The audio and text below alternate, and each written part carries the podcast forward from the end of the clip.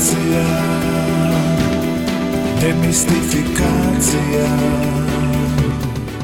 Prošle godine je gotovo u procenat pogodio rezultate izbora.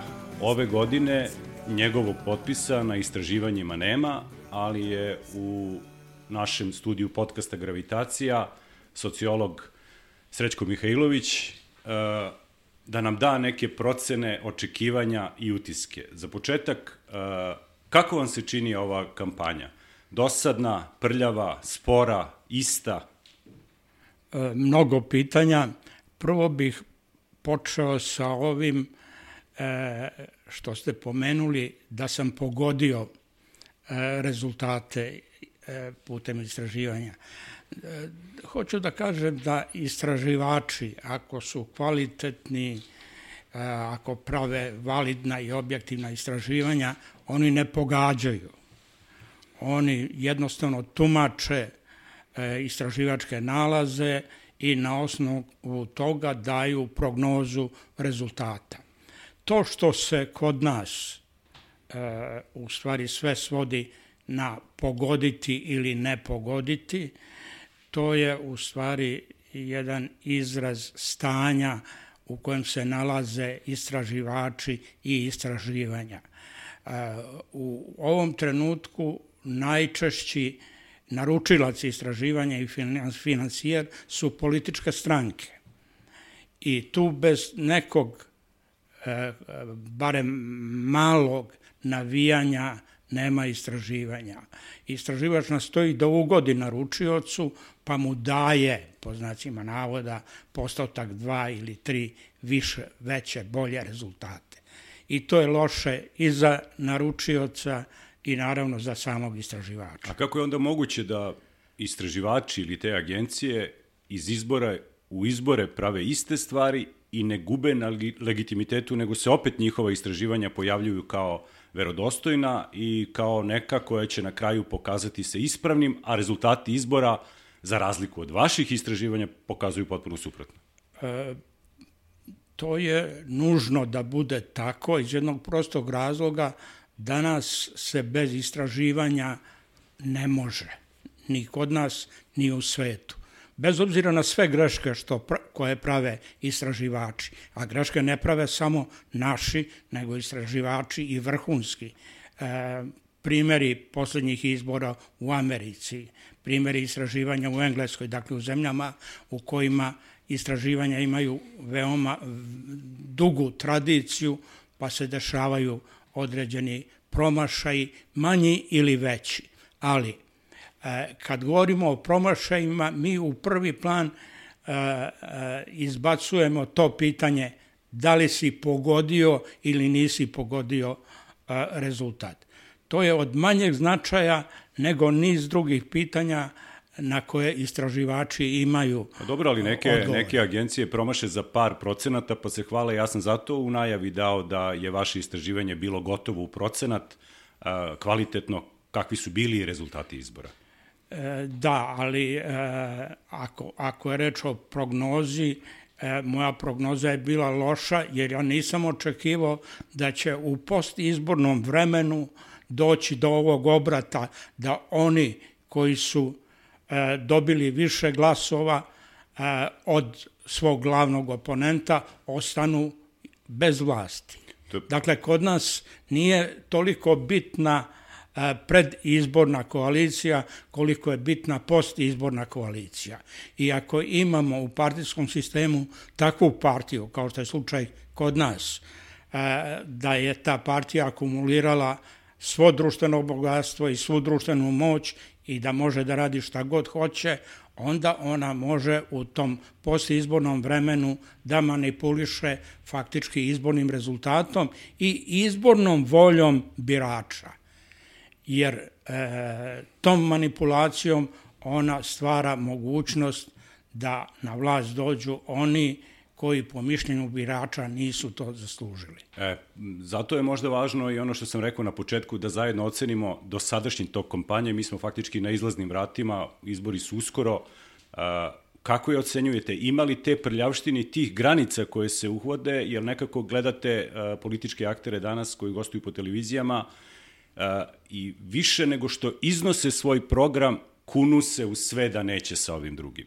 Dakle, kako vam se čini ta kampanja, je li ide u tom pravcu ili je ona suviše dosadna i viđena u odnosu na ono sve što smo videli do sada?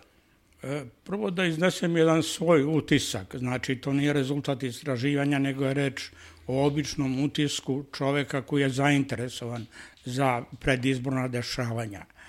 A, u dosadašnjoj kampanji a, opozicione partije su manje primetljive, manje prisutne, manje vidljive nego što su to partije koje su sada na vlasti i čija je kampanja napadna, e, ofanzivna, e, nemaju granice u bilo čemu. Iako mi u, pod kampanjom podrazumevamo samo jedan e, pokušaj političkih stranaka da prikažu svoj program, svoj izborni program e, i da kažu šta će raditi ako dođu na vlast, onda mi možemo govoriti o izvesnoj ravnopravnosti e, i partija opozicije sa partijama na vlasti. Ali ako pod kampanjom podrazumevamo sve ono što sada radi u ovom trenutku partija na vlasti, onda mi vidimo da samo jedna strana vodi kampanju, kampanju pritiska na birače, ucenjivanje birača, potplaćivanje i nada sve zastrašivanje. Sa puno laži, podmetanja i e, opozicija nema adekvatan način da odgovori e, na takvu vrstu napada, a u stvari najgore bi bilo ako bi odgovorila na isti nema način. način ili nema kanale komunikacije? Nema Sad kanale to... komunikacija, nema, nema načina ima, ali nema uobičajene kanale komunikacija. E, u prvom redu mislim na medije. E, ono što može, a što nije toliko vidljivo, ako uopšte postoji, to je taj lični kontakt E, ne od vrata do vrata, nego od čoveka do čoveka, gde bi se e, iznelo ono što se hoće i ono što se može. Jer iznositi samo ono što se hoće i što se želi je veoma loše u kampanji, jer se u onom periodu nakon toga vidi da su to bile iluzorne želje ili neka htenja koja su neostvariva. Šta onda po vama može da bude ključ rešenja za ove izbore? Sad tu postoji nekoliko stavki. Da li je to ta opozicija koja se napokon na neki način ujedinila, barem u najvećem delu? Da li je to zamor možda materijala, uh, jer ovde su ciklusi vlasti po 12 godina, stalno to govorimo, Milošević 12, demokratske snage 12, evo sledeće godine ulazimo u 12. godinu mandata SNS-a, ili će možda frižider, prodavnica, inflacija učiniti svoje. Dakle, koji su faktori, pored kampanje prljave, ovakve i onakve, od ovoga što sam izneo, mogu da utiču na ono što će se biti finalno 17. decembra? Mi u motivima za izborno opredeljenje birača, građana, nalazimo dve grupe motiva koje, koja, koje su veoma vidljivi i e, koji se mogu putem istraživanja utvrditi. Jedna grupa razloga za, od, za izborno opredeljenje vezano je prvenstveno za pitanje standarda, za pitanje života, za osnovna životna pitanja, plus e, jedan opšti utisak o vlasti e, sa uočavanjem korupcije i e, uočavanjem činjenice da se na važnim političkim i društvenim položajima nalaze ljudi koji to svojim znanjem i svojim sposobnostima ne zaslužuju. Na drugoj strani imamo grupu e, političkih partija koje e, su u prvom redu orijentisane na neka opšta pitanja, na državna pitanja, na nacionalno pitanje, na rat u Ukrajini, rat na Bliskom istoku, pitanje Kosova i e, oni sa svojom e, svom svojom snagom upravo na tim pitanjima insistiraju. I između partija postoji jasna podela koja je za e, ovo što je životno i e, koje su partije za ono što je, po znacima navoda, državno pitanje. E, izdvaja se na neki način SNS koji nastoji da pokrije i jednu i drugu stranu. Da narodu obećava bolji život i da Srbima obećava jednu bolju Srbiju i jednu moćniju Srbiju koja može svima da kaže ono što e, misli. Sad je tu ta večita tajna. Da li je to, da li tu šapu drži SNS ili drži Aleksandar Vučić? To je moje pitanje. Kako komentarišete taj fenomen da od izbora do izbora snaga SNS-a, što u procentima, što u mandatima, pada. Da. A Vučić je stabilno jak, šta više, na prošlim predsjedničkim izborima, poslednjim, uzeo je više glasova nego na prvim. Šta je tajna u tom uh, raskoraku, čak i u momentu kada je Vučić bio predsjednik naprednjaka? E, objašnjenje je vezano ne samo za tu partiju i za tog lidera, nego za gotovo sve naše političke partije i lidere tih partija. Naime, mi smo jedna e, zemlja čiji je narod autoritarno orijentisan i koji partije prepoznaje e, češće i više po lideru nego po programu, ideologiji pojedincima i ne, iz partija da bome, pa da. i nekoj, nekoj realnoj, realnoj politici. E, u takvoj situaciji e, se razlikuju one grupe partija koje mogu napraviti politički savez sa prepoznatljivim liderom i one grupe političkih stranaka ili onu političku stranku koja već ima prepoznatljivog lidera kojeg narod vidi kao lidera, kao vođu, kao čoveka koji može da učini sve. I mi smo često svedoci situacije da se pojedinci, ljudi koji imaju velike životne probleme, ne obraćaju e, državnim institucijama, društvenim institucijama za pomoć, ne obraćaju se ni političkim partijama, nego se obraćaju Aleksandru Vučiću. I dovoljno je da on e, na, u dva, tri slučaja učini to što se od njega traži i da on e, potvrdi svoje vojstvo, svoju svemoć i da je on u statusu čoveka koji je u stanju da hoda po vodi. Srećko, kako vam se onda s tim u vezi dopada njegova izjava da više neće biti predsednik Srbije ako ova lista izgubi na izborima? Imajući u vidu da je tu izjavu nije dao ni čak kad je bio predsednik SNS-a, daje je sada sad kao, samo kao član i opet imajući u vidu da je on predsednik svih građana Srbije. Da budem e, ciničan i grub, on može da bude i babasera u nekom parku, ali on će sadašnju moć e,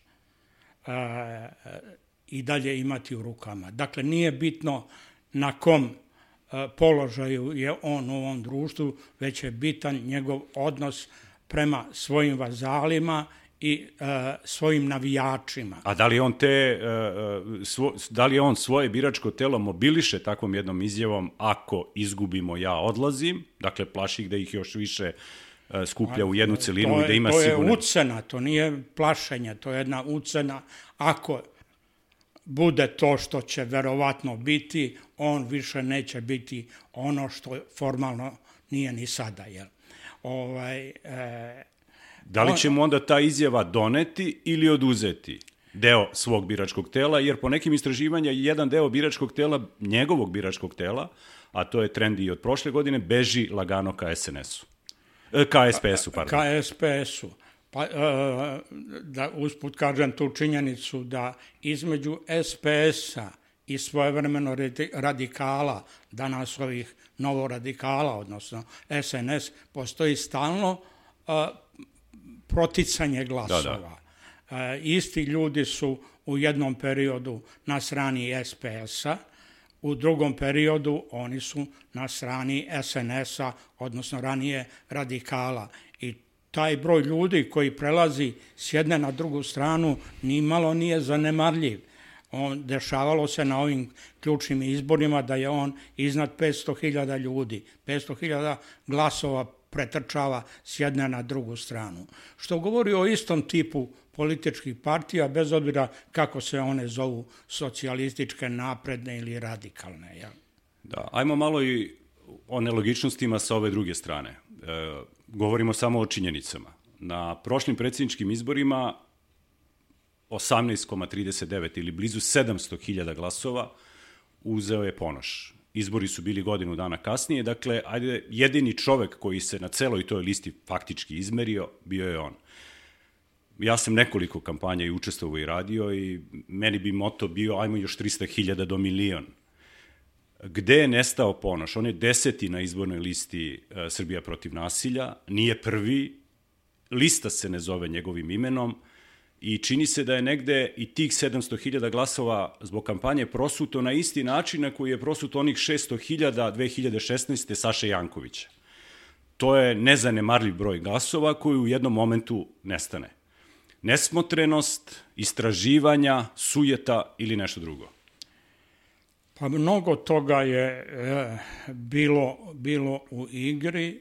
E, jednostavno, Ponoš je drugčiji tip političara od onih na koje smo mi navikli.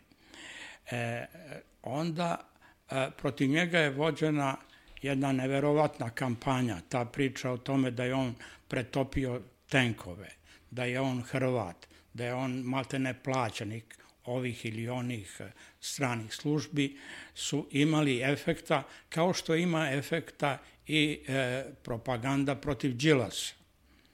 U ostalom to za nas nije ništa novo, nije nova situacija i ona ima uh, uticaja na birače.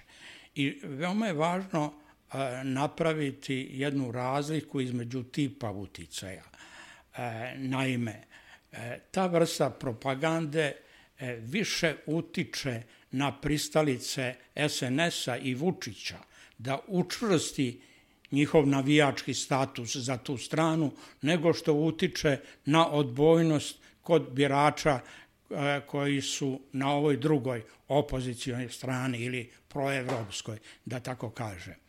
E, dalje, e, mi smo sad svedoci pojave novih likova na političkoj sceni i na liderskoj sceni.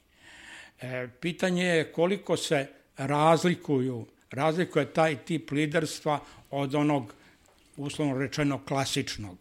E, Zdravko Ponoš nije ni na jednoj ni na drugoj strani, on je usta, ostao u sredini i bez šire podrške partijskih rukovodstava ovih desetak partija koje su e, napravile politički savez. E, da li je to greška ili nije, to ostaje da, da se vidi. U svakom slučaju, e, bilo bi loše da to postane tema za razdor, a veoma je lako u ovako e, sklopljenoj opoziciji napraviti, napraviti neki razlog za razdor između, između njih. U ostalom, ako pratimo ona iskustva kroz koje je prošao DOS, mi vidimo da a, su začeci ra, rasapa DOS-a bili još pre izbora u septembru 2000. godine ali nisu bili toliko vidljivi. Ni sad ne vidimo sve razloge koji mogu dovesti do razdora, ali e, ako Vučić uspešno obavlja svoj posao, on će se potruditi da taj razdor postane sve vidljiviji i on je već našao žrtve na koje usmerava svoju propagandu i e, koje smatra pogodnim da e, naprave razdor u ovom opozicijonom bloku. Kada govorimo o tome da se određene ličnosti targetiraju i time smanjuje njihov uh, uh, dalji potencijal, spomenuli ste Đilasa, negativnu kampanju koja se pokrenula i protiv Ponoša, nije li onda još jedan nelogičan potez opozicije da za gradske izbore istakne svog kandidata za gradonačelnika, iako to nije bila u obavezi, ovo nisu bili izbori za gradonačelnika, nego za odbornike grada Beograda, koji iz svojih redova biraju gradonačelnike, jer tu istu stvar nije uradila ova druga strana. Šapić se pojavljuje kao moguće rešenje, ali nismo čuli Vučića da je rekao Šapić će biti kandidat za gradonačelnika. Srbija protiv nasilja je jasno istakla svog kandidata od prvog dana kako ga je istakla, tako je klenula ova druga strana da izlači delove njegove biografije. Da li je to dobar ili loš potez? Ja, ja se ne bih upuštao u tu vrstu ocena iz jednog prostog razloga što to smatram unutar partijskom stvari. U ovom slučaju to je unutrašnje pitanje stranaka koje čine taj opozicioni politički savez. E, I bojim se da e, medijsko traženje e, slabih tačaka u opoziciji može samo da pomogne onoj drugoj strani da obrati veću pažnju na te slabe tačke i da onda odradi svoj posao. moje lično mišljenje da to nije toliko bitno koje, ko, koja se ličnost pojavila kao mogući gradonačelnik, jer je reč samo o mogućem, o kandidatu za gradonačelnika i e, bez obzira što je to podleganje uticaju one fame o novom čoveku. I mi stalno imamo to u toj javnosti i polujavnosti, onda kod analitičara takozvanih, ovaj tu priču o novom čoveku kao doći spasilac valjda s neba, pa će on učiniti tu nemoguću stvar. E, Mesija je čovek kojeg treba da otkrijemo, on treba da bude prvi na, na listi i on će nam doneti ono što mi ne možemo da, da donesemo. E, bojim se da bilo koje e, post insistiranje na sastavu liste, na redosledu ljudi na tim listama, bez obzira šta ko od nas misli o tome, nije sad tema dana o kojoj treba raspravljati, već više na činjenicama šta u ovoj e, predizbornoj situaciji, šta u predizbornoj kampanji treba raditi, na šta staviti naglasak, e, kako pomoći neke snage koje su se zaista i, relativno iznenadno pojavile i koje odrađuju ono što su političke stranke morale da rade ili barem sad da se pridruže i da a, a, učine te, te, pos, te, te akcije efikasniji. Mislim na ovu inicijativu vezanu za izlazak na izbore bez obzira i glasanje bez obzira za, za koga. Govorite o proglasu. Da bome. Da A da li je proglas iznenadio vlast? Pa jeste. Ja, ja u, u poslednjim godinama, u poslednjih 35 godina imam jedno veoma loše mišljenje o inteligenciji, o intelektualcima i njihovom političkom aktivitetu. E, bojim se da su oni naneli više štete nego koristi.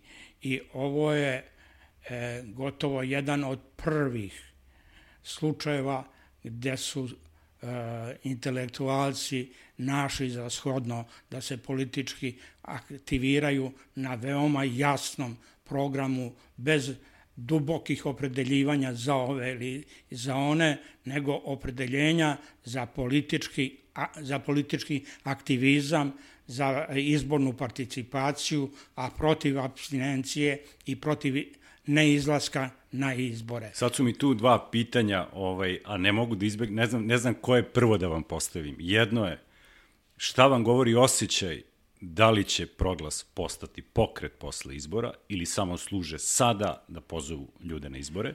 Ako ostanu dosledni sebi, neće to biti pokret u klasičnom značenju reči, ali će biti jedna politička snaga koja je prisutna na političkoj sceni i koja će se povremeno pojavljivati e, što spontano, što sa tačno određenom namerom i mislim da to više odgovara i sastavu ljudi koji su se sad pridružili inicijativi. I to je sad to moje drugo pitanje, ajmo sad na tu temu koja ne bi trebalo da boli ni vlast ni opoziciju, mada će neko reći boleće više vlast.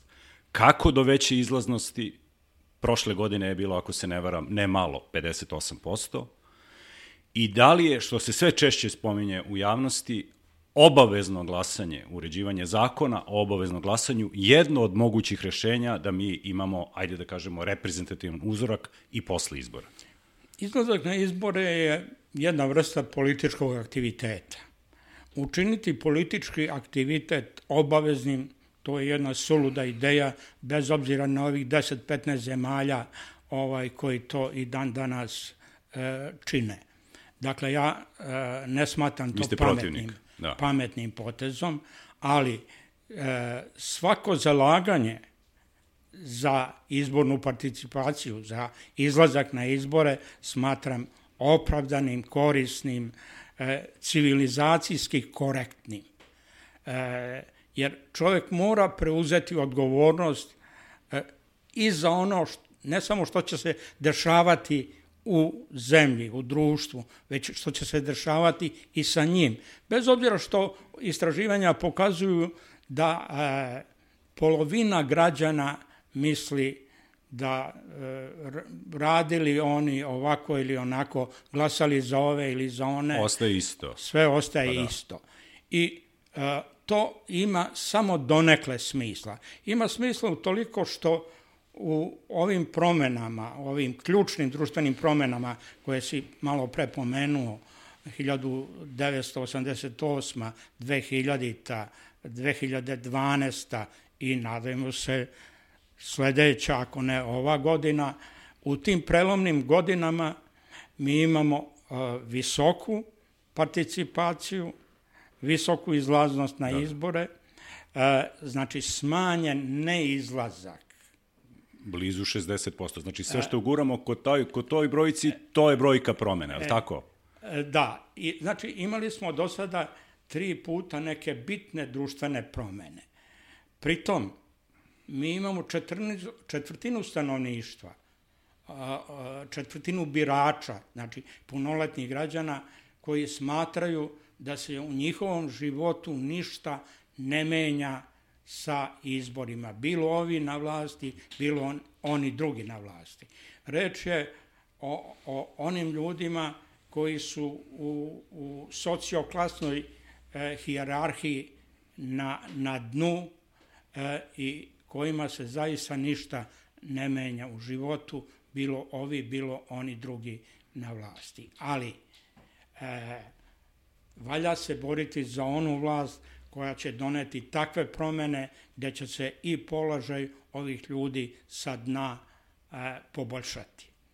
A, a opet jedan podatak iz istraživanja za ovaj period 2000-2012 godina, e, od tih ljudi koji sebe vide na društvenom dnu, a, za tih 12 godina 11% kaže da je izašlo sa dna i popelo se na društvenoj lestvici, dok a, 7% novih je palo na to, na to društveno dno.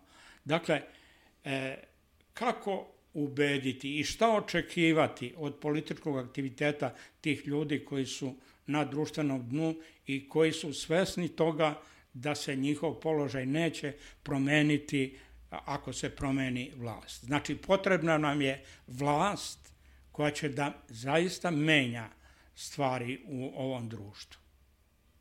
Kad smo na temi izbora, naš medijski partner u ovom projektu je Medija centar i oni imaju svog gosta koji za vas ima, ima spremljena dva pitanja. Gospodine Mihajloviću, s obzirom da ste za prethodne beogradske izbore gotovo pogodili procente vlasti i opozicije, međutim, s obzirom da to nije uspelo da se pretvori u iste procente e, mandata u odnosima vlasti i opozicije, da li mislite da će to biti ključni faktor nakon izbora 17. decembra? Odnosno, da li opet može da se desi da opozicija ima više glasova, ali manje mandata? E, ono što bih ja mogao reći na osnovu ono malo istraživanja koje sam imao u poslednje vreme, ili ove godine, tačnije rečeno, e, vrlo je verovatno da će proevropska opozicija imati većinu glasova u Beogradu, a verovatno i u još nekim većim gradovima. E, To znači da ta opozicija može i u onom postizbornom periodu da sačuva jedinstvo i da e, konačno dođe do, do vlasti, do, do tog položaja. Međutim, može se desiti da e, ova proevropska opozicija e, može da ima većinu samo ako svoje glasove sa svojim glasovima pridruži i glasove koje imala koje ima osvoji ova uslovno rečeno desna e, nejedinstvena politička scena. Ukoliko se to desi da je neophodna i ta desna strana da bi se imala većina, moguće je da se u tome ne uspe i da će neke stranke sa te desne strane privući ova oficijalna desnica faktički. Da, ali da li je moguća SNS. pad pozicija onda? Neće niko ni sa kim. Mi sada pričamo da, da budemo precizni o beogradskim izborima. Da bome, ne. da bome, da bome. Je li moguća pad pozicija? E, pa e, ona je... Jer očigledno je ni Vučićeva lista... Ona je moguća u broju glasova, ali e, u post izbornoj situaciji mislim da tu nema pad pozicije. Da, a, da će taj tu pad poziciju u glasovima SNS iskoristiti da privuče neke od stranaka, bilo s desnice, bilo iz ovog političkog saveza proevropskih partija na svoju stranu i da tako formira ponovo svoju da. vlast u Beogradu. Ali tu postoji još jedan scenario, barem ja tako zaključujem. Dakle, evo, pratit će ovu kampanju 15 dana. Gotovo i jedna i druga strana ne propuštaju televizijske emisije da ne kažu da se sprema izborna krađa. Vlast govori da opozicija već sprema alibi za poraz, opozicija kaže da se upisuju birači, da su uočene nepravilnosti pri prikupenju potpisa, ko zna šta će biti uh, uh, samog 17. decembra. I vrlo jednostavno pitanje za vas. Da li će građani Beograda Svetog Nikolu čekati u domovima, pola-pola, kao što uvijek neko ide na slavu, neko ovaj, dolazi, neko je domaćin ili će biti na ulicama? Uh, prvo da kažem da uh, se u ovoj zemlji precenjuje uh, obim uticaja izbornih krađa na izborni rezultat. E, to se dešavalo i još uvek može delimično da se desi e, na osnovu zloupotrebe dva rezervoara glasova. Jedan rezervoar su birači sa Kosova, drugi rezervoar su birači e, koji glasaju u inostranstvu. E, moguće je i zloupotreba e, biračkih odbora, biračkih komisija sa biračkih mesta, da oni jednostavno oni koji imaju vlast i pare u svojim rukama potplate nekog iz opozicije pa da im on omogući da smučkaju rezultate. Ali ukupno uzev to je mnogo manji obim gubitka glasova nego onaj obim koji nastaje e, ucenom birača, e, svakojakim pritiskom na birače da glasaju za SNS, e, e, onom, onom jednom prostom trampom e, davanje određenog dobra biraču ili obećanju dobra za njegov glas. Dakle, sve te vrste predizbornog lopovluka, da tako kažem, su mnogo obimnije i mnogo značajnije za izborni ishod nego ono što se dešava na sam dan, dan izbora. Na kraju uh, izgleda da će opozicija ovoga puta imati solidnu kontrolu na dan izbora, mnogo veću nego što je bilo na dva, tri prethodna prethodna ciklusa. Ali Pa dobro, imajući u vidu da postoji 17 političkih stranaka i predsednik Srbije stalno govori da je to 16 lista protiv njega, isključuje Mađare. Ali je pitanje sad kapacitet određenih partija listi koje su se tu pojavile. Mislim, nije lako skupiti potpise a, određene partije, pitanje je koliko imaju svoju strukturu i čiji su to kontrolori. To će isto neko da pita. Da li određene stranke koje su jedva skupile potpise ili smo čuli za njih pre mesec dana da su krenuli u kampanju, dakle ne govorimo o velikim a, opozicijnim listama. Dolazim do pitanja kome sada odgovara 17 stranaka, jer onda dolazimo i do Donta najveći uzima da. sve, koliko će ljudi ostati ispod cenzusa i da li je tačna onda Vučićeva konstatacija ja sam sam protiv svih ili je matematika malo drugačija da, u tom? Da je to tačno, ne bi on spustio ovaj e, cenzus, cenzus na 3%. Na 3%. Da. Njemu je bilo jasno da je bolje da što više stranaka pređe cenzus, a da ono što ostaje ispod uđe u onu naknadnu raspodelu koja ide najjače. Koja je, da bome, da. od koje on takođe ima, ima koristi. E, nije, nije pitanje broja stranaka, nego je pitanje našeg ne, neznanja ili nedovoljnog poznavanja fenomena politike. Mi politiku shvatamo kao borbu, kao tuču, kao kafansku svađu a ne kao pitanje komunikacije, pitanje dijaloga, pitanje razgovora. Pogledajmo na šta liče ovi početak ovih dijaloga na televiziji.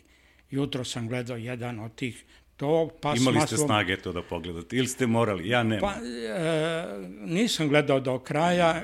Kad je sve postalo jasno da je sve otišlo k vragu, onda sam prebacio na neki drugi kanal. A, a, jednostavno mi e, nećemo ili mislimo da je korisnija politička svađa od političkog dijaloga.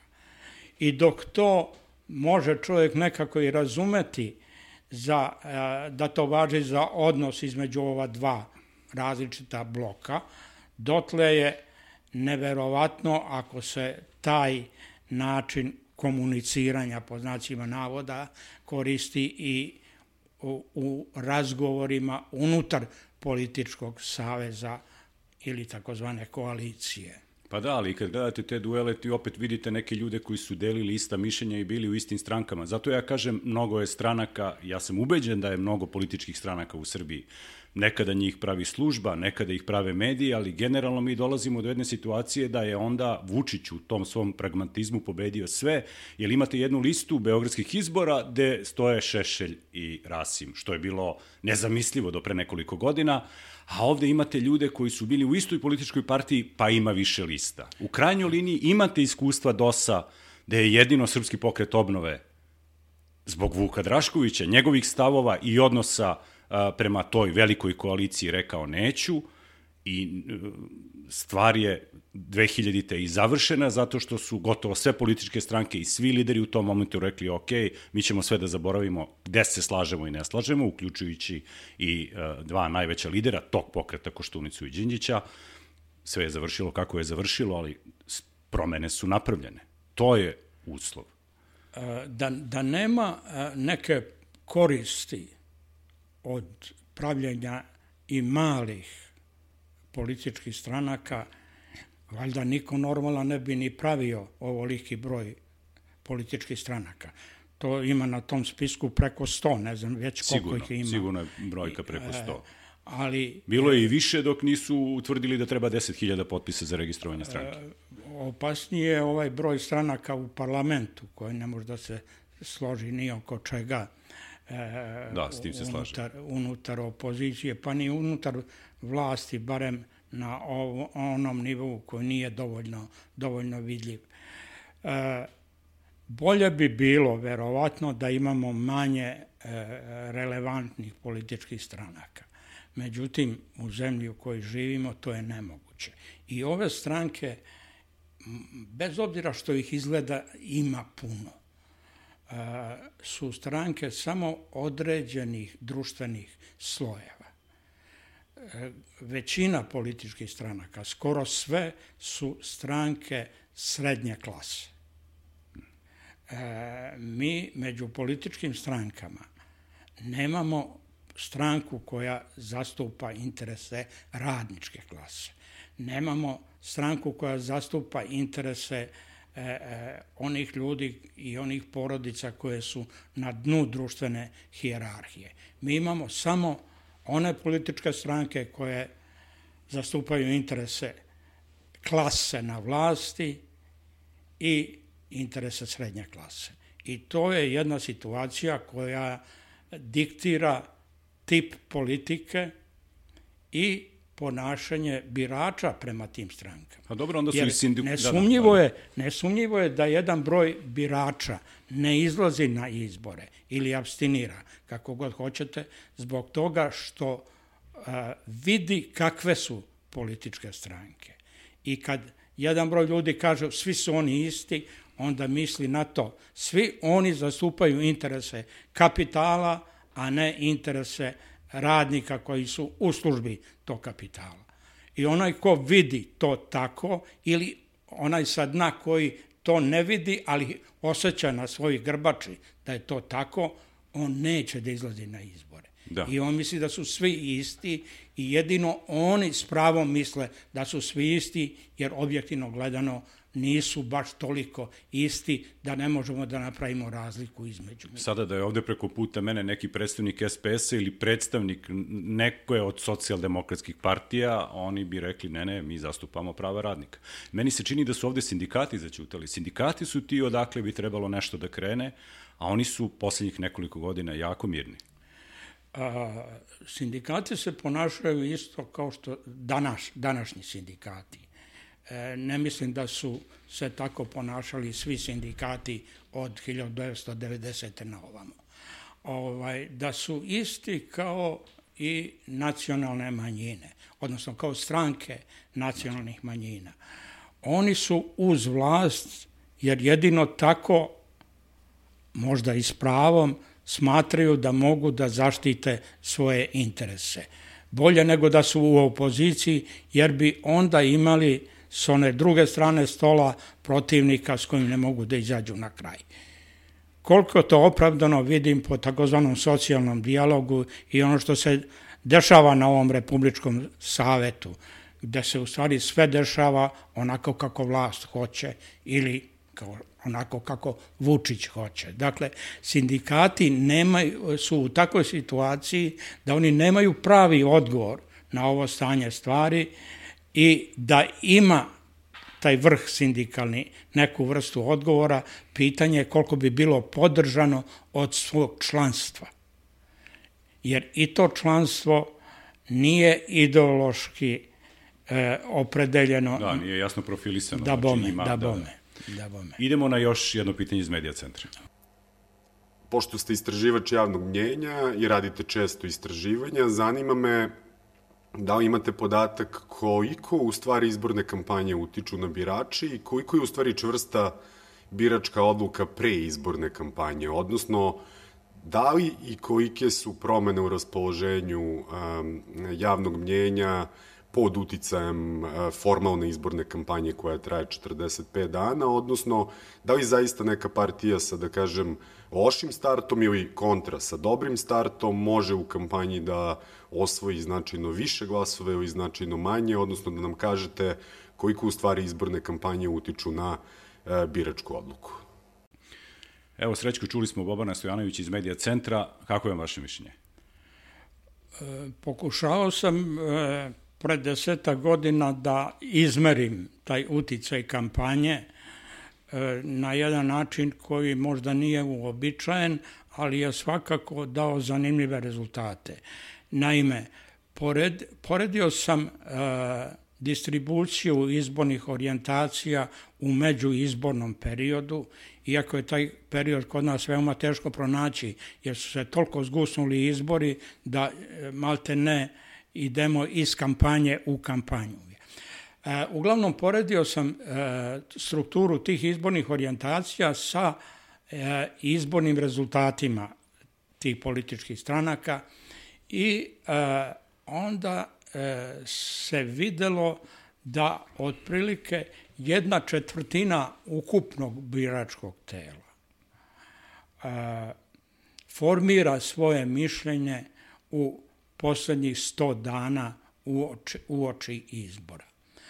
E, pritom, važno je naglasiti da je to jedna prosta računica. Oduzmete jedan broj e, izborno opredeljenih od drugog broja i dobijete taj podatak.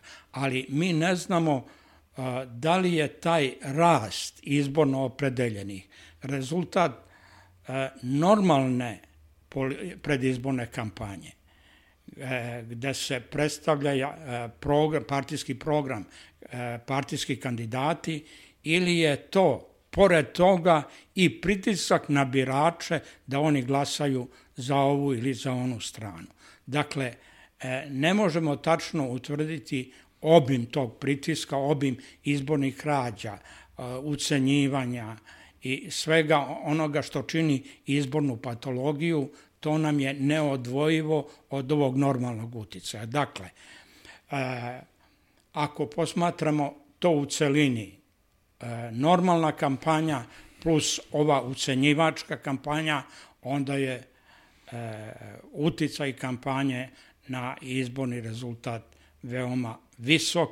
Ako uzmemo samo standardnu kampanju, moje mišljenje koje nije istraživački potkrepljeno, da je taj uticaj znatno manji nego što se inače, inače misli.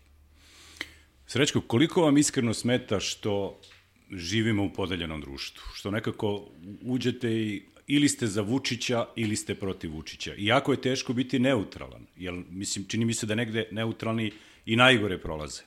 Ali kada mislim i kažem, ne pričam samo o Srbiji, recimo evo i ti trendovi sad koji dolaze, ili ste za Izrael, ili ste za Palestinu, ili ste za Ukrajinu, ili ste za Rusiju. Vi jednostavno ne možete da zauzmete neku stolicu uh, i položaj te neke neutralnosti, kakav je život u takvom svetu? E, pre svega treba reći da nema nepodeljenih društava, modernih društava.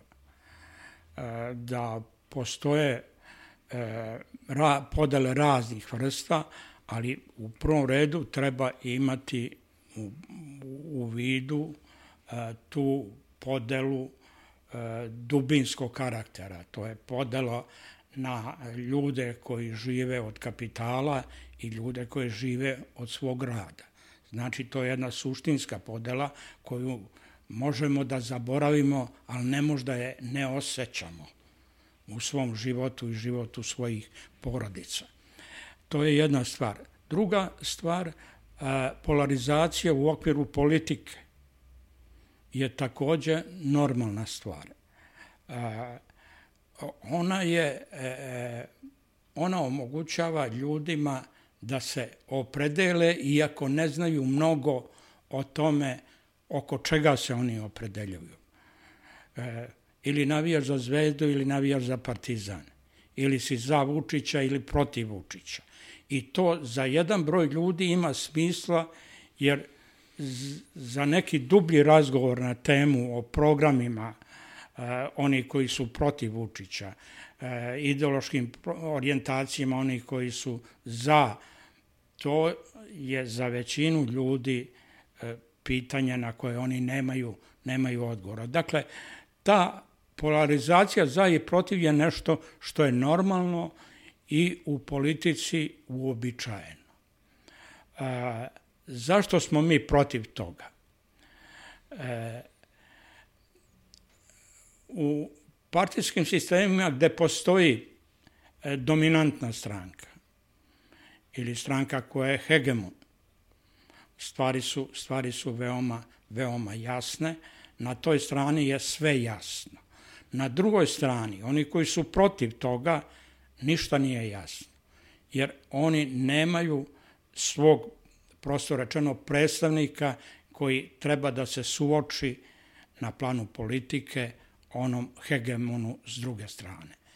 I imamo situaciju kao što je danas. Na jednoj strani je Vučić i e, njegovi vazali, a na drugoj strani e, veliki broj ljudi koji imaju aspiracije da budu vođe, da, da se njihovo mišljenje usvaja, da budu glavni u svemu. I to omogućava e, biračima čak i onima koji nemaju pojma o politici, da se opredele za jedne ili za druge.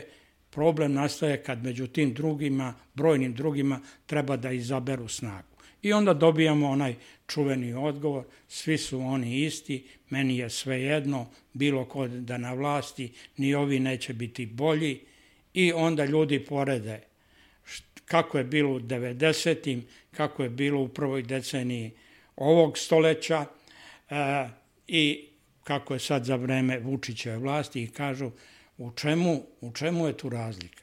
Pa meni je sve isto. Ja živeo sam onda loše, živim i sad loše. I onda neki među njima, ovi stariji se prisećaju socijalizma i kažu, ali nekad je bilo bolje. Da li će nekad biti bolje? Stariji kažu neće, mladi se nadaju i to je... Pa neko da. će reći mladi odlaze iz zemlje i time daju odgovor da, da ne veruju da će biti pa, bolje. Mladi odlaze, e, mladi se i vraćaju, e, mladi odlaze u Ameriku iz Nemačke. Ovaj, I tu treba razdvojiti ono što je normalno e, od onog što nije normalno. E, moja, jedna od moje dece, moja čerka koja je molekularni biolog, e, je e, prilikom svoje, svog bivanja u Izraelu rekla je po povratku da oni imaju više mašina i tih aparata za rad u predsoblju instituta nego što u Srbiji imaš u glavnoj sobi instituta. Jednostavno, da nemaš čime da radiš. Ideš tamo gde ima. E, ideš tamo gde je bolje plaćeno. Ja, ja bih tu jednostavno razlikovao oni, e, one pojave e, napuštanja Srbije gde ljudi idu trbuhom za kruhom od ovog da se ide u potrazi za karijerom taj broj ljudi koji odlazi u potrazi za karijerom je veliki, jer naša zemlja ne radi dovoljno da obskrbi naučne institute, e, fakultete sa potrebnim e, potrebnom aparaturom za rad i ovo je normalno što odlazi.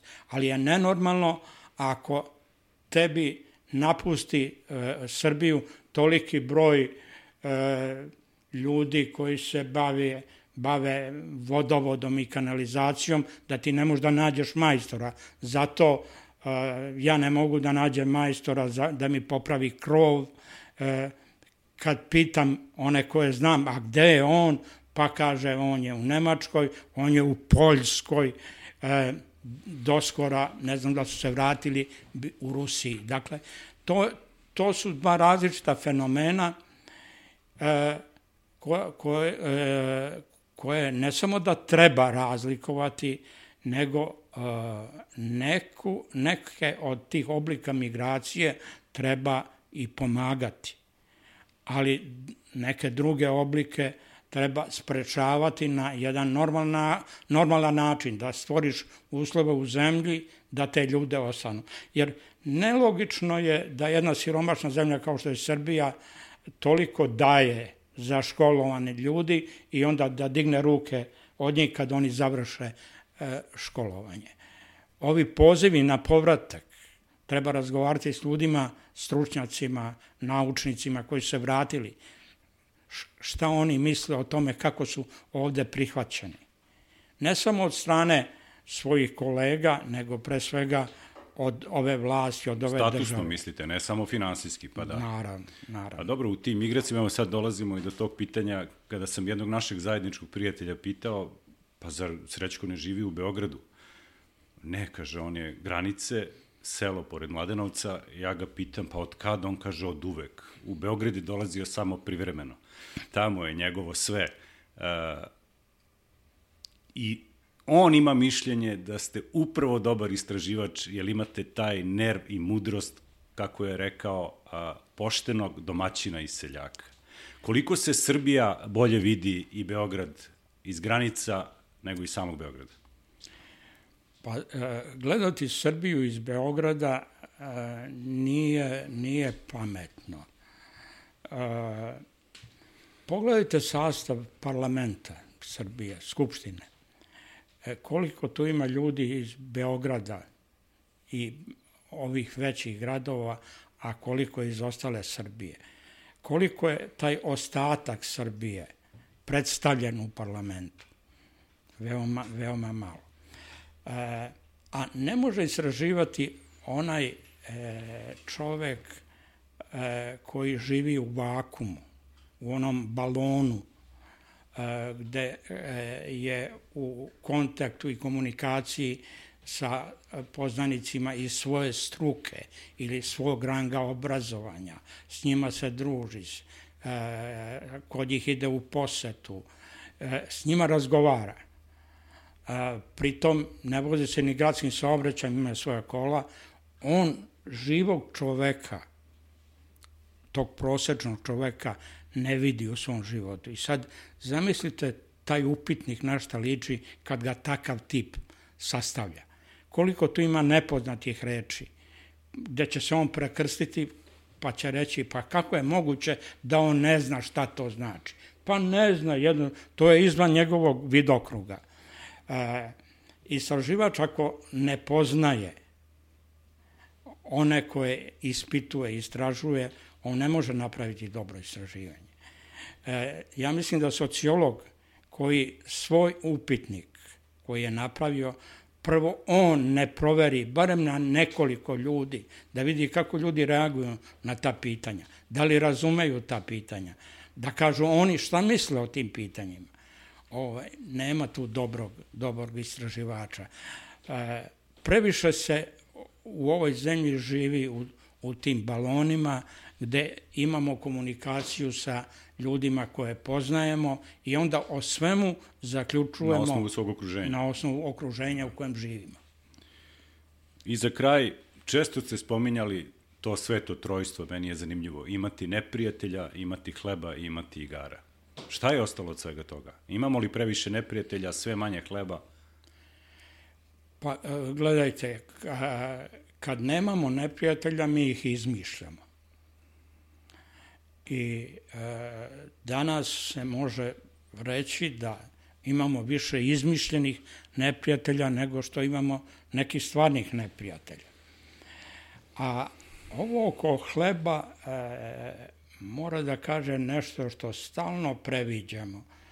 Vi kad pitate ljude jer su zadovoljni svojim životom u istraživanju, znači na reprezentativnom uzoru, većina će odgovoriti da jeste. E, a onda kad pokušate da rastavite e, to pitanje o zadovoljstvu životom na zadovoljstvo raznim oblastima življanja, e, na pitanje odnosu prema okruženju, vi vidite da je to zadovoljstvo jedno prikriveno nezadovoljstvo. Pa će on reći da je on svojim standardom, kakvim takvim, koliko toliko zadovoljan. E, kaže, živi se i preživljava se, što on ocenjuje da je dobro, jer pamti i neka lošija vremena. Kada pitate, a kako vidite zdravstvo? Kaže, užasno. Kako vidite pravosuđe? Grozno. E, kako vidite vlast? Pusti lopove i mangupariju. I e, kad saberete te pojedinačne elemente, dimenzije kvaliteta života, vi vidite da mi živimo u stvari loše, iako gledano u celini nam i nije tako loše kao što izgleda. E, sad je tu pitanje kako ove stranke opozicije to faktički nezadovoljstvo raznim oblicima života mogu da iskoriste u političke svrhe.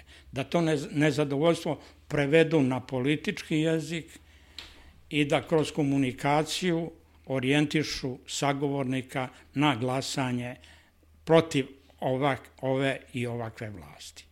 I moj je utisak da ova opozicija današnja e, ima veoma lošu komunikaciju sa svima onima koji su izvan njihovog okruženja neposrednog, izvan balona u kojem se oni kreću. Za razliku od e, SNS-a. Da, tu je vidljivija širina. Da. Oni, oni umeju da razgovaraju sa ljudima koji su na pijaci, koji su na ulici i oni to čine redovno i zloupotrebljavaju, bez obzira što se poseta štandu svodi na to da ovaj dobije olovku ili tako nešto, hemijsku olovku ili neko blokče ili, ili bilo šta. Ali uglavnom, kod njih postoji komunikacija za razliku od opozicijonih stranaka. E, stranke iz svojevremene opozicije, nave, navešću primer sa demokratskom strankom. A, demokratska stranka je e, bila glavni nosilac izbornog dobitka u DOS 2000. godine. Zahvaljujući činjenici da je e, kod njih većinu glasača su predstavljali radnici, oni isti koji su dve, 90. godine glasali za SPS, ali oni su 2000. glasali za DOS. 2012. većina radnika je glasala za SNS. Oni su napustili demokratsku stranku. Demokratska stranka, odnosno DOS, nije učinio ono što je obećavao i e, glasači, radnici su shvatili da od njihovog opredeljenja ondašnjeg nema nikakve koristi i otišli su na stranu naprednjaka. Danas imamo situaciju podele među samim radnicima. Visoko kvalifikovani radnici i jedan broj kvalifikovanih radnika je na strani stranaka opozicije. Nekvalifikovani, polukvalifikovani i jedan broj kvalifikovanih radnika je na strani SNS-a, SPS-a, tog bloka političkih stranaka. Dakle, e, šta ove stranke iz opozicije rade da se stanje stvari e, promeni i da oni imaju uticaja i na one koji imaju 11 i manje godina školske spreme. Jer postoji opet polarizacija koju si pomenuo, polarizacija između onih koji imaju 12 i više godina škole i oni koji imaju 11 i manje godina škole. Ovi sa manje škole glasaju za SNS i SPS, relativno većinski, a ovi iznad glasaju za opoziciju relativno većinski. Sve su to podele da, koje mislio su... sam da će ono biti moje poslednje pitanje, ali sad opet meni je sad ovo zanimljivo. Generalno, DOS jeste pobedio zbog strukture demokratske stranke, odnosa i promene radnika ka demokratskoj stranci od SPS-a, ali ne smemo da zaboravimo upravo zato što ću otići na 2012. Jedan od osnovnih stubova te pobede je bio Koštunica, kao lider.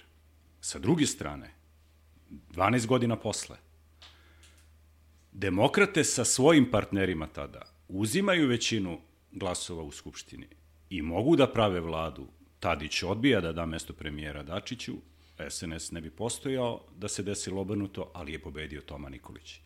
Dakle, mislim da je suština ovde i do lidera. Od, nesporno da lider ima utice, ali uh, je broj grešaka koji je Tadić napravio između dva izborna kruga toliki da je zaista bilo gotovo nemoguće Tomi Nikoliću da ne dobije, ne dobije izbore. Kod nas se izbori ne dobijaju samo zahvaljujući sobstvenom radu i trudu i znanju, nego i slabostima one druge strane, koja gubi izbore. I ovde mi vidimo da Vučić konstantno radi protiv sebe.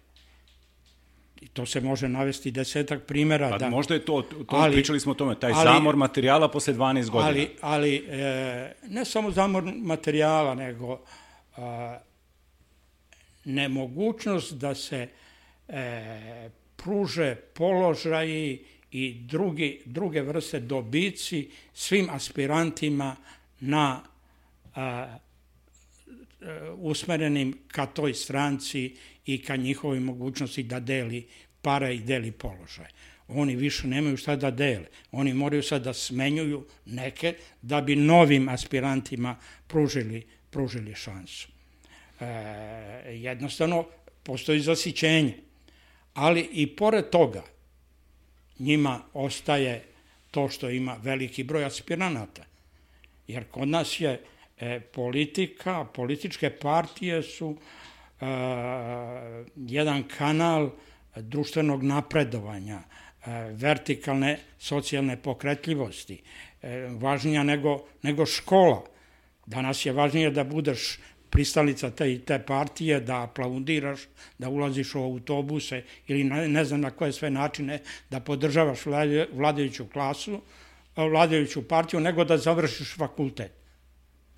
Ovaj, I e, e, s druge strane, opozicija nema od toga nikakve koristi, a nije u stanju da kroz komunikaciju narodu približi nešto što on već zna da to nije dobro da se na taj način e, uspeva u ovom društvu, već da je e, normalan put državni fakultet, ne ni onaj na livadama mladenovačkim, niti neke, neki, neki drugi fakultet.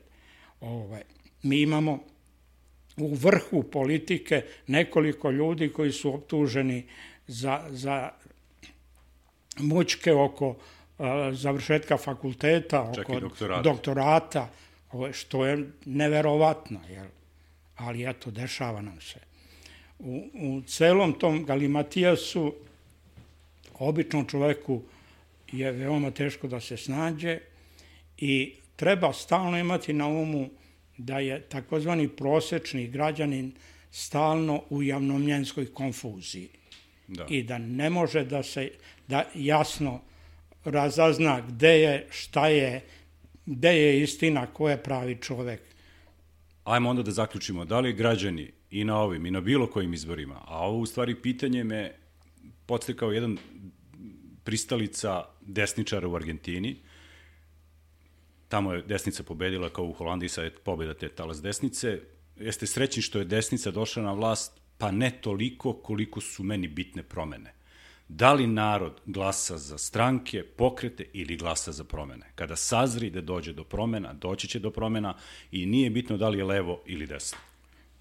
E, postoji dve, dve grupe motiva za, za glasanje. To stalno ponavljam. Jedna je vezana za te opšte teme, naciju, državu, vlast u celini, međunarodni odnosi, Rusija ili Amerika, e, Palestina ili Izrael.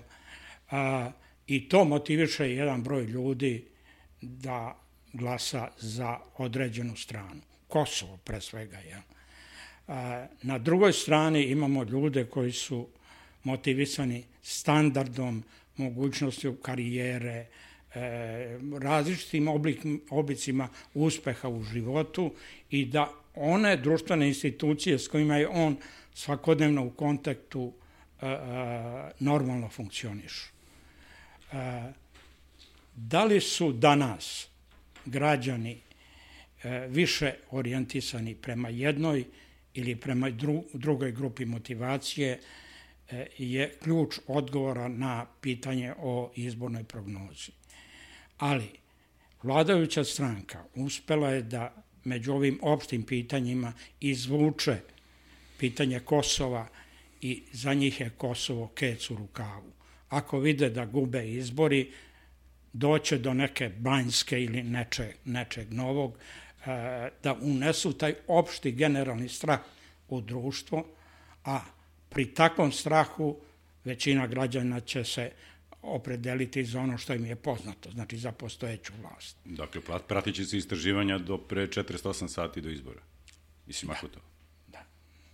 E, e, na, na ovoj drugoj strani vi imate takvu situaciju da i pored e, objektivnog pada standarda, o čemu svedoče zvanični, oficijalni podaci, vi imate ljude koji kažu, a dobro je, može još gore, još više da se padne.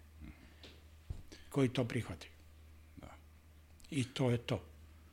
Srećko, hvala na iskrenom i dobrom razgovoru. Mnoge teme su ostale otvorene, nažalost, eto. Da. Rekli smo, možda i su više. Uh, dragi moji, bio je ovo vaš i naš sociolog Srećko Mihajlović. Gravitacija Demistifikacija. Gravitacija Kao inspiracija